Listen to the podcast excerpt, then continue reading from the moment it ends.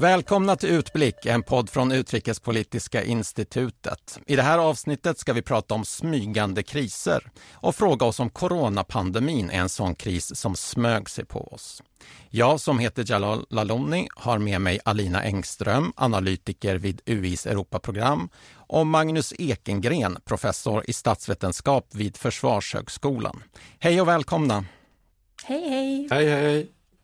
Ni är båda delaktiga i ett forskningsprojekt finansierat av Myndigheten för samhällsskydd och beredskap om så kallade smygande kriser. Vad är nu detta, Magnus? Ja, begreppet försöker ju fånga den här typen av utdragna samhällsstörningar med oklar början och slut som vi ser allt oftare i vårt samhälle. Sådana här störningar som plötsligt kan leda till en stor samhällskris. Och globala uppvärmningen är väl det bästa exemplet där vi säger vi känner till det väldigt väl men vi gör inte tillräckligt för att förebygga och förhindra den. Även om vi får varningssignaler, förebådande utbrott om större utbrott. Med det här begreppet försöker vi i projektet att fånga eh, den här dynamiken mellan ett verkligt hot. Vi har ett verkligt hot vad det gäller global uppvärmning Eh, men kopplingen mellan det hotet och hur vi uppfattar det över tiden och vad, med, vad, vad, regeringar och myndigheter gör över tiden, det där svänger ju. Och just den där, den där dynamiken mellan vad vi gör, ofta gör vi inte tillräckligt och att hotet växer och, och, och, finns där, ligger så att säga under radarn och puttrar. Va?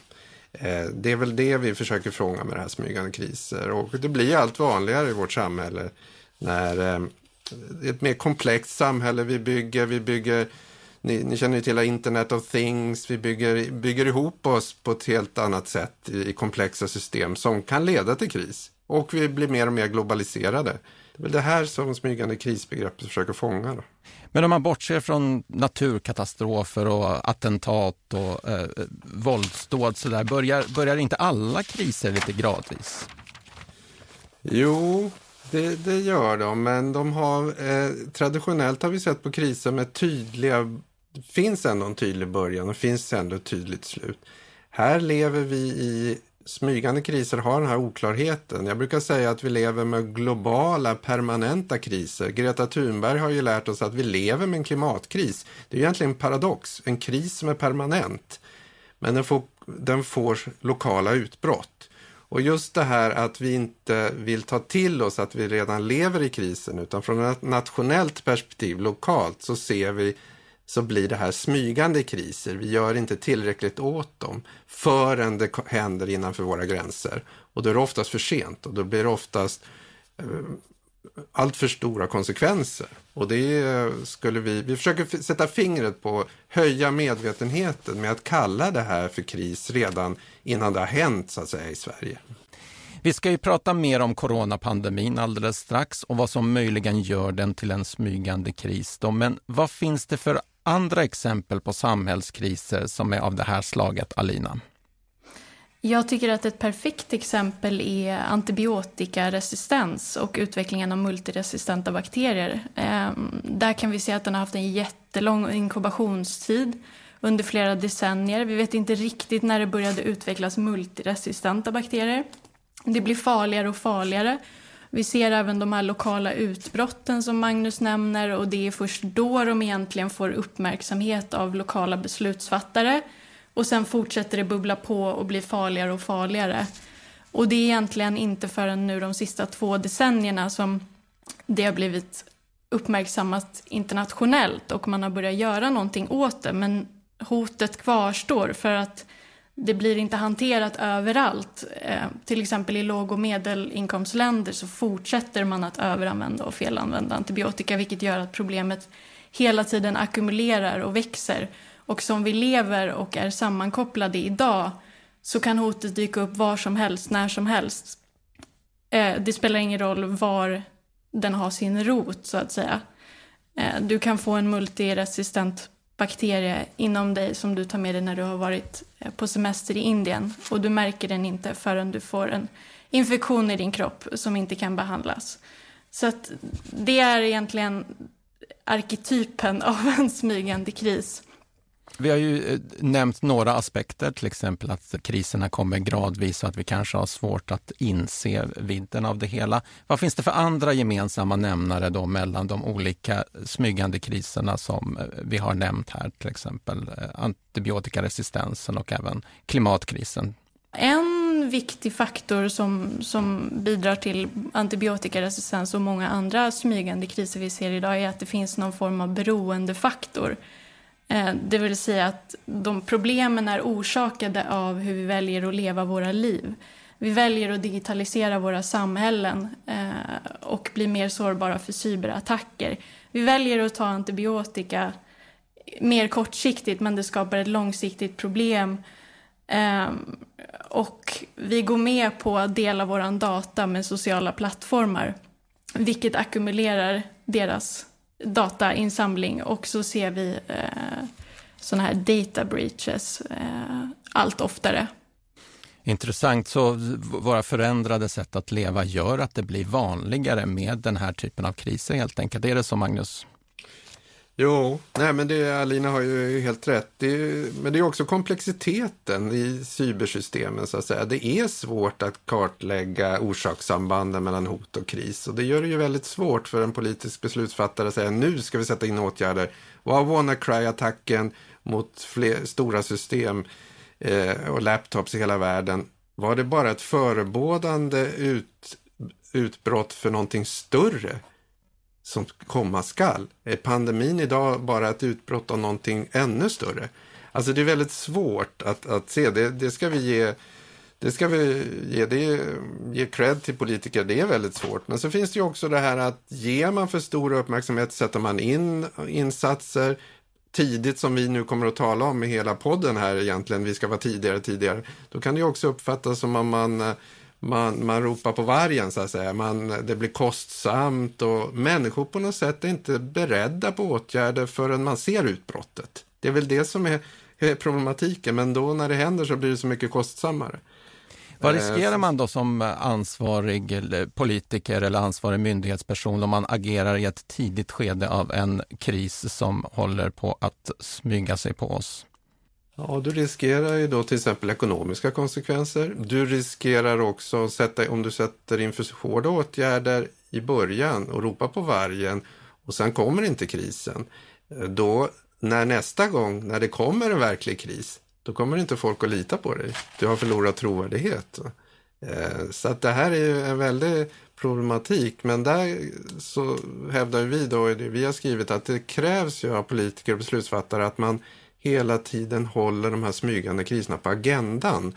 Så att man håller uppmärksamheten högt hela tiden. Det kan hända, vi jobbar kontinuerligt så att man, man förbereder allmänheten på att det krävs resurser för att motverka eh, de här smygande kriserna så att det inte blir ännu större kostnader när de händer. Vi ska prata ännu mer om eh, hur man kan tänka kring smygande kriser i ett tidigt skede. Men nu ska vi titta närmare på coronapandemin och hur den började. Och vi börjar med att lyssna på hur det talades om det här nya viruset under de första månaderna av smittspridningen. Och det var i december 2019 som de första rapporterna kom om en mystisk lungsjukdom. Enligt statliga kinesiska medier ska 27 personer ha insjuknat i en okänd virussjukdom i mångmiljonstaden Wuhan i centrala Kina. Symptomen ska likna lunginflammation och för sju av de smittade bedöms läget som allvarligt. Sveriges Radios Kina-korrespondent rapporterar på nyårsafton 2019 om det mystiska viruset som väckt stor uppmärksamhet i Kina där man fortfarande minns utbrotten av den dödliga lungsjukdomen sars i början av 2000-talet. Men de lokala hälsovårdsmyndigheterna i Wuhan, där människor insjuknat, har lugnande besked. Viruset smittar inte mellan människor. I mitten av januari 2020 delar statsepidemiolog Anders Tegnell fortsatt den bilden när han intervjuas i P1 Morgon. Det är väl det som är den lugnande delen av den här historien, att man har inte hittat någon eller möjligen någon enstaka spridning från människa till människa. Och så länge virus inte har den potentialen så brukar det normalt sett inte bli några större problem. så skulle det vara, inte vara så effektivt så är det lugnande besked i det här fallet, eller? Absolut, det är, väldigt, och det är ju den stora skillnaden mot SARS och MERS som jag pratade om tidigare. Dels att det inte alls verkar lika bra på att sprida sig från människa till människa. Och också, även om det är en liten grupp människor fortfarande, så verkar det inte alls ge lika allvarlig sjukdom som de två virusen gav. Snart står det dock klart att viruset också kan smitta mellan människor och att sjukdomen i värsta fall kan ha dödlig utgång. Smittspridningen fortsätter att tillta och den 13 februari har 25 länder rapporterat coronafall. Samma dag publicerar Folkhälsomyndigheten en video på sin sajt där biträdande statsepidemiolog Anders Wallensten får frågor om smittspridningen. Behöver man vara orolig för det här nya viruset? I dagsläget tycker jag att man i Sverige inte behöver vara orolig därför att vi inte har någon spridning i, i landet. Men däremot så vet vi inte riktigt vad som kommer att hända med det här viruset. Hur smittsamt det är, hur mycket sjukdom det orsakar. Så det är många osäkerhetsfaktorer. Men eh, just nu i Sverige ingen smittspridning eller risk. Och risken för allmän spridning i samhället bedöms fortsatt vara låg även i slutet av februari. Läget förändras dock snabbt nu. Den 10 mars ser Folkhälsomyndigheten tecken på samhällsspridning i Stockholm och Västra Götaland och dagen efter, den 11 mars, klassar Världshälsoorganisationen WHO spridningen av det nya coronaviruset som en pandemi. Samtidigt konstateras det första dödsfallet i Sverige. Folkhälsomyndighetens Anders Wallensten intervjuas i TV4s Efter fem. Nu eh, kan vi konstatera att det har skett ett första dödsfall och att eh, det är de äldre som är sköra och att det är på riktigt. Det här kan hända i Sverige också. Mm, några nedslag i händelseutvecklingen från de första rapporterna till att vi hade en pandemi. Och det var Jonas Lövenberg som hade sammanställt tillbakablicken. Alina Engström, analytiker vid UI och Magnus Ekengren, professor vid Försvarshögskolan. Ni forskar alltså båda två om smygande kriser. Alina, du har tittat närmare på just coronapandemin. Vad säger du om det vi hör här? Ja, jag tycker det var många intressanta nedslag som visar i hur vi fick ny information om viruset hela tiden och att det var väldigt präglat av stora osäkerheter till en början. Men den här inslaget om att det kunde smitta mellan människor, det var ju en väldigt betydande information eh, som innebar att det kunde sprida sig mycket vidare och bredare och, och var mycket farligare än man hade trott innan. Och vilket också betydde att det var ett hot för Sverige. Och ändå så tycks den här kopplingen mellan det växande objektiva hotet som vi pratar om hela tiden och förståelsen, den subjektiva av hotet inte riktigt samspela för att det tog väldigt lång tid innan man tillkännagav eller förklarade att det var en kris för Sverige. Så att det smygande stadiet var väldigt långt, egentligen ända fram till början av mars, även om man hade sett att det kom närmare och närmare hela tiden. Till och med när det var i Italien så var det fortfarande ingen risk för smittspridning i Sverige.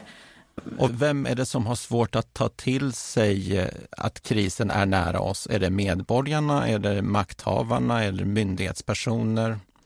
Den här subjektiviteten som du pratar om, vilka är subjekten där så att säga? Ja, vi, vi menar väl egentligen att alla delar av samhället måste uppfatta att det är en kris innan beslutsfattarna kan deklarera krisen. Precis som Magnus nämner kommer annars med stora kostnader att om du säger att det är en kris men i allmänhetens ögon så är det ingen kris eh, så är det väldigt svårt att sätta in tidiga åtgärder. Så att, men samtidigt vill jag vara lite ödmjuk inför att man agerade senfärdigt då. Vi vill ju kolla på varför man gjorde det. Eh, och tittar vi på krisen från det smygande krisperspektivet för Sverige Eh, så tror jag att vi kan förstå lite bättre varför man agerade senfärdigt. Till exempel fanns det inte en så stor politisk opposition eller allmän press på att man skulle agera tidigare. Det var ingen som uppfattade att det var ett hot mot Sverige. Eh, sen så tycks man ha haft en inställning med att det händer inte här. Eh, Eftersom att man hade en stor tilltro till att man var väldigt förberedd och att kapaciteten var på plats och vi hade en bra smittskyddsorganisation. Och Eh, det tror jag inte var någonting man ljög om, utan det var någonting man trodde. Och det visade ju sig sen att logistiken svek, eh, testningen gick inte att bygga upp så snabbt som man kunde och, Och man blev överraskad av att det exploderade så snabbt. Eh, och det är väl det vi vill undvika med när vi säger att man ska se det som en kris i ett tidigare stadium. Att slippa den här överraskningen av explosionen. Mm. Magnus, vad tänker du om de här exemplen som vi hörde på coronapandemins start där? Ja, de var ju väldigt talande för att de exemplifierar ju precis de orsaker till eh, smyg, varför det blir en smygande kris som vi ser på, på andra områden. Du har den här svårigheten, det komplexa orsakssamband. Man vet inte hur mycket man ska lita på signalerna från Kina. Vi har klarat av MERS och SARS tidigare bättre, det lugnar oss. Men vi har kanske det mest talande är det som Alina tar upp och som vi har skrivit om när vi skriver om EU och behovet av internationellt samarbete, att vi fortfarande lever i nationella bubblor. Va? De nationella krishanteringsmyndigheterna, nationella krishanteringssystemen är så upp, uppbyggda kring eh, det nationella tänket. Va? Det händer inte här. Vi, vi har ett bättre, till och med sjukvårdssystem eh, fick vi ju höra då, eh, så att vi behöver inte vara oroliga. Att vi, det är en slags excep svensk exceptionalism. Och det här sitter så djupt så att signalerna kommer en efter en och ändå tar man inte till sig det. Alltså det är, det, det är en brist på globalt tänkande, skulle vi säga. Att, eh, att inte förstå att gränser inte har någon betydelse när det kommer en gränsöverskridande kris. De, de, den stoppar inte, en pandemi stoppar inte vid gränsen. Då. Utan att den, det måste till, tyvärr då, ett, ett dödsfall. Det måste hända på svenskt territorium. Och det här, det är det bästa, eh, bästa evidensen man kan ha för att säga att vi måste bygga europeiska eh, system där fakta och data och information som kommer och internationella system från WHO där den information vi får in till de nationella systemen ska kunna ligga till grund för nationella beslut. Att den väger lika tungt som nationella bedömningar och beslut. Eh, eh, och det är dit vi måste komma, för annars har du den här fördröjningsmekanismen av att tro att det nationella eh, kan stå, stå emot de, de nya typerna av gränsöverskridande kris. Det här kommer att gälla på cyberområdet, det här kommer att gälla på alla de här nya gränsöverskridande kriserna. Eh, men tyvärr, vi har ett system som byggdes upp från 1500-1600-talet när nationalstaten stod för vår säkerhet. Det sitter djupt, men vi måste börja tänka eh, europeiskt och internationellt när vi bygger eh, de nya mekanismerna. Sen är det an, en annan väldigt intressant orsak till förträngningsmekanism här som jag var inne på, som Alina är inne på också, som jag talade om initialt här, att det verkar inte räcka med information och data. Eh, och så gör man en analys av det och så ser man kan se att pandemin kommer närmare och närmare. Ingen, allting talar för det. Men innan handling, innan man handlar verkar det som man måste ha hands-on erfarenhet. Man skulle ha behövt åkt, eh, Folkhälsomyndighetens representanter skulle snabbt ha behövt åkt till Wuhan. Snabbt ha behövt åkt till Norditalien och sett med egna ögon och diskutera med kollegor och, och varit på plats. Det verkar nästan som det är det som krävs för snabbt handlande. Mm. Och det där är ju det är en filosofisk fråga. Alltså att kognitiv förståelse verkar inte räcka. Man måste ha en praktisk hands-on förståelse av vad som håller på att hända för att trigga agerande. Just det. Vi hörde också ganska lugnande tongång i de här exemplen. Hade ansvariga behövt vara lite mer uppjagade? Hade det behövt finnas känslomässiga reaktioner också så att mm. säga? Det går väl lite grann i linje med det, mitt sista argument där att eh, rädslan är ett sätt att eh, trigga agerande, få igång agerande. Då har vi exempel på till exempel eh, äldrevården i, i Oslo. Läste vi en DN-artikel här i, i höstas när man snabbt, mycket snabbare än i Sverige stängde ner. Men man får känslan av när man intervjuar de ansvariga där i Oslo att de blev livrädda när de såg bilderna, när de fick informationen. Och det var den rädslan som drev ett snabbt, snabbare agerande. Så det, det, det, du har rätt, det ligger säkert mycket i det där att det kognitiva förståelse räcker inte. Det måste till praktik och känslo, känslomässig beredskap. Coronaviruset spreds först i Kina. Vad kan det ha för betydelse för vilka lärdomar man här i Europa kunde dra kring smittspridningen, Alina? Ja, vi har ju haft eh, några tidigare epidemier eh, av coronavirus i Kina och Asien, bland annat sars då, eh, som spreds över Asien. Och jag tror att det vi kan lära oss nu är väl kanske att de här epidemierna inte bara händer i Kina och Asien längre. Utan jag tror att idag, i och med att vi är så sammankopplade är sårbarheten högre för att, för att de här typen av hoten även ska komma till oss. Och, och insikten av att det kan hända även här, det gör väl att vi förhoppningsvis kommer se en förändring av hur man och att man lägger i större växlar på beredskapsfrågor. Eh, för vi har ju, som vi såg nu, inte en tillräckligt hög beredskap om man jämför med länderna som har upplevt sådana här epidemier tidigare. Så jag tror att där kommer vi se en förändring och någonting som vi kan lära av det här. Magnus, du tittar ju också på EU. Är det ännu svårare för en organisation som EU att reagera och agera när en kris kommer smygandes? Nej, det är ju, är ju vårt hopp så att säga. Eller det WHO, det internationella, är ju vårt hopp. Eh, vi måste lyssna på varandra, kollegor emellan, mellan EUs medlemsländer och EU har ju ett, man kan säga ett embryo till ett krishanteringssystem. Man har de här informationssystemen, Rapid Alert System, man har en, en eh, civilskyddsmekanism där man kan begära hjälp och den har varit aktiverad under coronan också. Eh, men det behövs mer. Man behöver från nationellt håll, nationella förvaltningars håll, eh, lita mer till EU-systemet, lita mer på sina kollegor jag brukar alltid dra exemplet med eh, tsunamin 2004. Det hade räckt för svenska myndighetsföreträdare med ett enda telefonsamtal till italienska kollegor för att de skulle förstå hur farligt det här kunde bli för svenska medborgare i Thailand. För Italien har erfarenheter av eh, jordbävningar och tsunamis. Alltså ett enda telefonsamtal så hade vi kunnat rädda svenska liv. Och det där brukar jag dra som exempel eh, på att här är också coronan närmare samarbete med italienska kollegor i Norditalien och Protezione Civile som är en av de bästa civilskyddsorganisationerna i hela Europa och ta varningssignalerna, ta informationen, ta erfarenheterna mer på allvar. Så det här måste vi, måste vi bygga ut i mycket högre grad för att vi ska klara de här globala gränsöverskridande kriserna. Så när kriserna blir gränsöverskridande så skulle krishanteringen också behöva vara gränsöverskridande? Ja, det är ju helt, det är helt logiskt. Det är ju helt logiskt. De här gränser, vi kan inte sitta och vänta på de här nya gränsöverskridande kriserna tills de når våra, våra nationella gränser. Då är det oftast för sent. Vi tar migrationskrisen 2015 eller egentligen gränskontrollkris för Sverige. Vi hade ju all information, alla signaler. Vi såg, myndigheterna såg migrationsströmmarna upp mot Sverige men vidtar inte de beredskapsåtgärder som krävs utan allting slår igång först när folk står i Malmö vid kravallstaketen.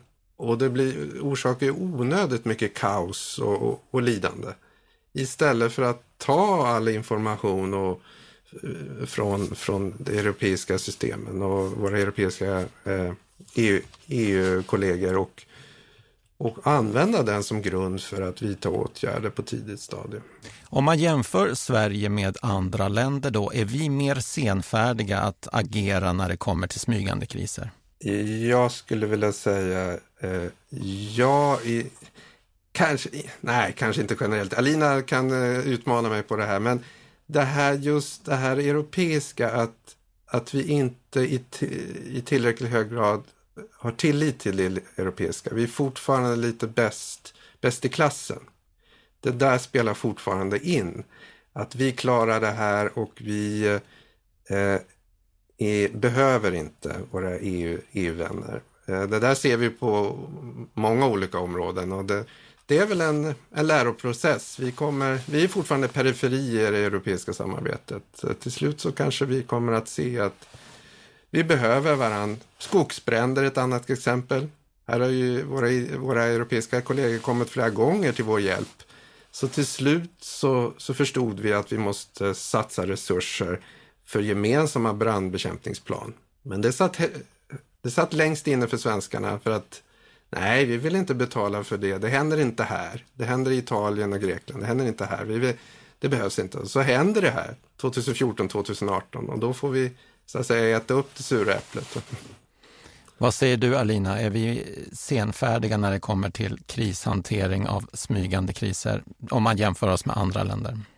Jag skulle inte vilja vara så hård och säga att Sverige är senfärdig, för vi hävdar ju att det smygande i smygande kriser är just senfärdigheten till viss mån. Men Sverige har ju en förvaltning där allting ska beredas och, och utredas innan vi fattar några beslut. Och nu även under corona har vi ju sett att, att vi tog de flesta eh, åtgärderna och rekommendationerna efter våra nordiska grannländer. Och vi är inte så mycket för trial and error, utan vi vill gärna ha koll på eh, effekterna innan vi tar ett beslut. Och vid kris så kanske inte det är det mest optimala att göra. Eh, så det är väl det jag har att tillägga där egentligen. Mm. Jag tänker också lite grann nu när man ser de här kravallerna eh, i Holland till exempel och det har varit protester på andra håll mot coronarestriktioner. Finns det inte också stora risker med att agera för kraftfullt för tidigt i en kris som ännu inte har hunnit bli en kris i allmänhetens medvetande så att säga? Alina, vad säger du? Jo, men absolut. Det pratade vi om lite i början här med just eh, förtroendet och eh, att det kommer med väldigt stora ekonomiska kostnader. Eh, och uppfattar inte allmänheten det som en kris, alltså subjekten, allmänheten, eh, så är det väldigt svårt att komma med sådana här tuffa lockdowns som vi såg exempelvis. Och det är väl någonting som Folkhälsomyndigheten har hela tiden hävdat också, att, att man vill ha ett mer långsiktigt och bygga upp eh, bygga upp rekommendationer och åtgärder stegvis eh, så att det, det, blir en bredare acceptans i samhället. Vad, om man blickar framåt, då, vad, vad kan man lära från hanteringen av coronapandemin, Alina? Att man inte ska se så svart och vitt på när krisen är ett faktum. Att det faktiskt kan vara en kris, en smygande sån, eh, även om den inte är deklarerad som en kris än. Eh, så om vi upptäcker dem i tid så kan vi ju hindra att det här överraskningsmomentet och att det exploderar. Och om vi upptäcker dem i tid så kan vi ju också faktiskt kanske förebygga att de anländer överhuvudtaget. Vad säger du Magnus, vad är den största vinsten med att identifiera en smygande kris tidigt? Ja, det är att vi förhindrar att en stor kris, samhälls, eh, samhälls, stor, större samhällskris händer som kan få förödande konsekvenser. Då räcker det med att, lyssna på Greta Thunberg eller, lyssna på cyberexperter eller lyssna på pandemiexperter som säger att det här är bara förövning. Corona är bara förövning för större. Men jag tänkte komma tillbaka till din fråga också eh, med lärande här.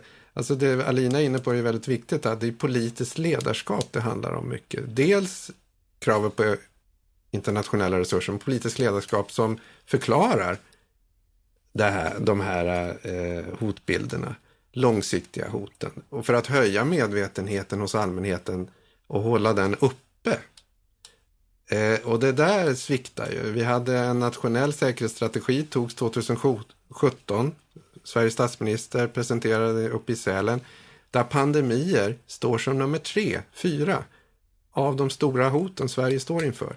Men så faller det där tillbaks. Man, håller, man, man talar inte längre om det och det får inga återverkningar i beredskapen. Man listar de här nya gränsöverskridande kriserna, pandemier och, och, och, och, och klimathot och annat. Men, men man talar inte kontinuerligt om dem. Och då blir det ju det som ni talade om, kan ju det hända. När man vidtar då, när det händer någonting, man ska vidta drastiska åtgärder direkt, då har man inte förberett allmänheten på det. Så det här är egentligen politiskt ledarskap och politisk pedagogik. Va?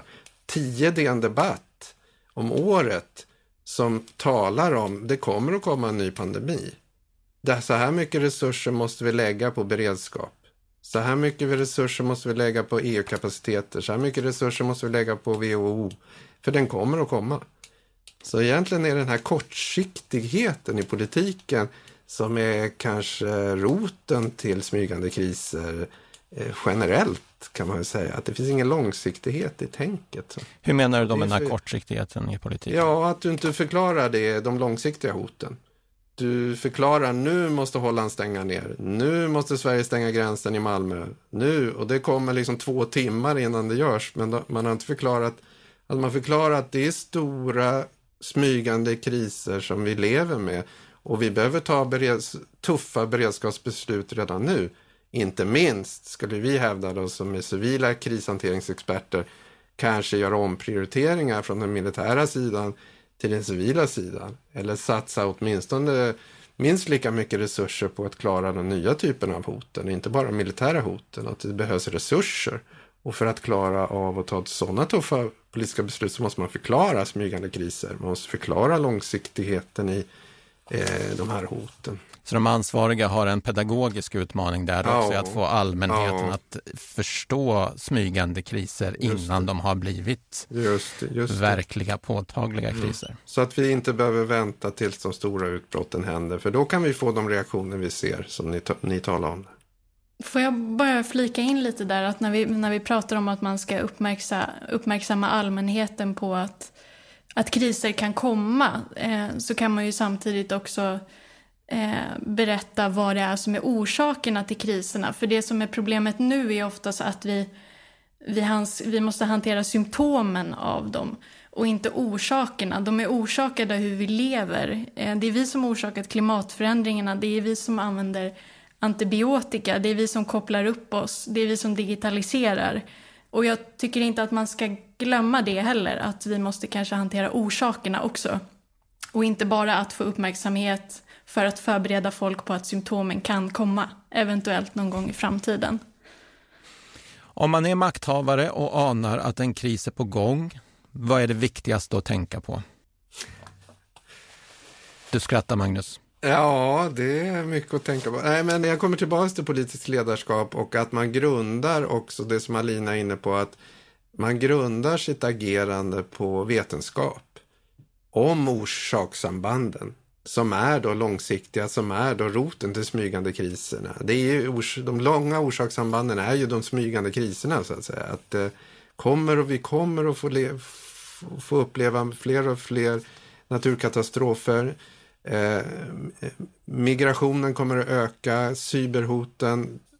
Att man tar den diskussionen, pedagogiken så att säga. Att man, och det kommer, man att kräva, det kommer att kräva att man jobbar kanske närmare det vetenskapssamhället eh, kontinuerligt. Vi har ju ett förslag om att man till exempel på, eh, på statsministerns nivå eller på van der Leyen, EU-kommissionsordförandens nivå, har vetenskapliga råd, men inte bara vetenskapliga fakta, utan personer i sin närhet som har, eh, person, eh, har erfarenhet, hands-on erfarenhet av krishantering. Precis som vi har under 400 år byggt upp en militär ÖB. Han, vår militära ÖB har ju erfarenheter från eh, fält så att säga. Eller vad, vad ska vi göra när det händer i verkligheten? Inte bara fakta och data. Den typen av personer behöver vi även på civila sidan. Som kan förena vetenskaplig fakta med direkta erfarenheter från civila kriser, gränsöverskridande kriser. Vad gör vi när det kommer en pandemi, när det blir skogsbränder. Jag har varit med, jag vet ungefär det praktiska vi ställs inför och jag vet också hur man bör argumentera kring de långsiktiga orsakssambanden. Att, att en statsminister har sådana personer i, kontinuerligt i sin närhet. Det är väl ett sätt att, eh, att försöka förebygga, att få, få, få stöd för att förebygga att smygande kriser utvecklas till eh, akuta kriser. Vi har ju nämnt en hel rad pågående smygande kriser. Skulle ni vilja lyfta någon eller några som vi bör hålla ett extra öga på framåt? Alina Engström, vad säger du? Ja, dels nu har vi diskuterat pandemi väldigt mycket och huruvida corona bara är en i mängden så att säga. Jag tror att vi kommer få uppleva fler pandemier i framtiden. Eh, riskerna för, det, för dödliga virus blir högre när vi avskogar och när vi ser en minskad biologisk mångfald. Eh, och eftersom vi är mer sammankopplade så är risken att de sprids större också. Eh, och sen tycker jag även det är väldigt eh, intressant att hålla koll på det som händer nu på våra sociala medieplattformar. Där vi har filterbubblor och ekokammare som gör att, som driver på polariseringen. Och nu såg vi stormningen av Kapitolium. Det kanske bara var en förebådande händelse. Om man vill spekulera lite i, i smygande krisramverket. Vad säger du Magnus? Har du några smygande kriser som du tycker att vi borde hålla ett extra öga på? Nej, men det går inte att komma undan den globala uppvärmningen och de konflikter det kommer att skapas och, och migrationsströmmar det kommer att skapas. Men det där, vetenskapen har vi ju så att säga, kunskapen har ju, men kanske cyber är väl ett sådant system som, som vi försöker, som vi eh, har skrivit då, rapporter kring. Där, eh, Berätta. Vi, vi, ja, vi har inte, där förstår vi ju inte riktigt, där har vi ju inte ens kunskapen. Utan där behövs ju mer forskning. Det behövs, hur, hur kan eh, smygande kriser ligga i systemen? Hur kan buggar och samhällsstörningar ligga under en lång tid i våra system, informationssystem och elsystem och kommunikationssystem, transportsystem för att plötsligt då explodera eller, eller bidra till större samhällskriser. Där behöver vi mer kunskap kring, för cybervärlden är ju den är väldigt outforskad, just eh, orsakssamband. Och vi, vi, här blir vi lite filosofiska igen då, men här kanske vi inte talar om linjära orsakssamband utan hoppande som vi filosoferna och forskarna säger att det kan gå så snabbt så vi kan inte härleda orsakerna till den och den cyberkrisen för att det är så komplext. Vi förstår inte så, ens hur det hänger ihop. Nej, vi förstår inte ens hur det hänger ihop. Så att, eh, men vi måste ju ha ögonen på det för att eh, det kan ju få förödande konsekvenser för, för säkerhetssystem, kärnkraftverk, ja allt. Så att, eh, men det, det, det är många områden. Det är väl det som är problemet med begreppet också att hur ska vi vikta de olika smygande kriserna mot varandra? Hur ska vi prioritera?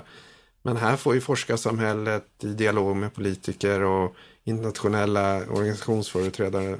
Det vi säger är att försöker öka medvetenheten. Vi måste ha en dialog om det. Så vi inte hela tiden, som Alina säger, reagerar på symptomen. Alltså det blir så krisdrivet hela vårt agerande och det bereder ju marken för politiska ytterlighetslösningar. Och det, det, det måste vi undvika. Vi pratade ju någon gång här, om jag bara får flika in också, att, att vi pratar hela tiden i den här eh, dialogen nu om att göra tillräckligt. Eh, och vi pratar väl här någon gång om att, att göra tillräckligt för att hantera smygande kriser, det skulle vara att ändra hur vi lever. Om man ska vara riktigt drastisk. Eh, och när det inte kanske kommer att hända så måste vi hitta sätt att hantera det på. Eller så måste vi ändra hur vi lever. Ja.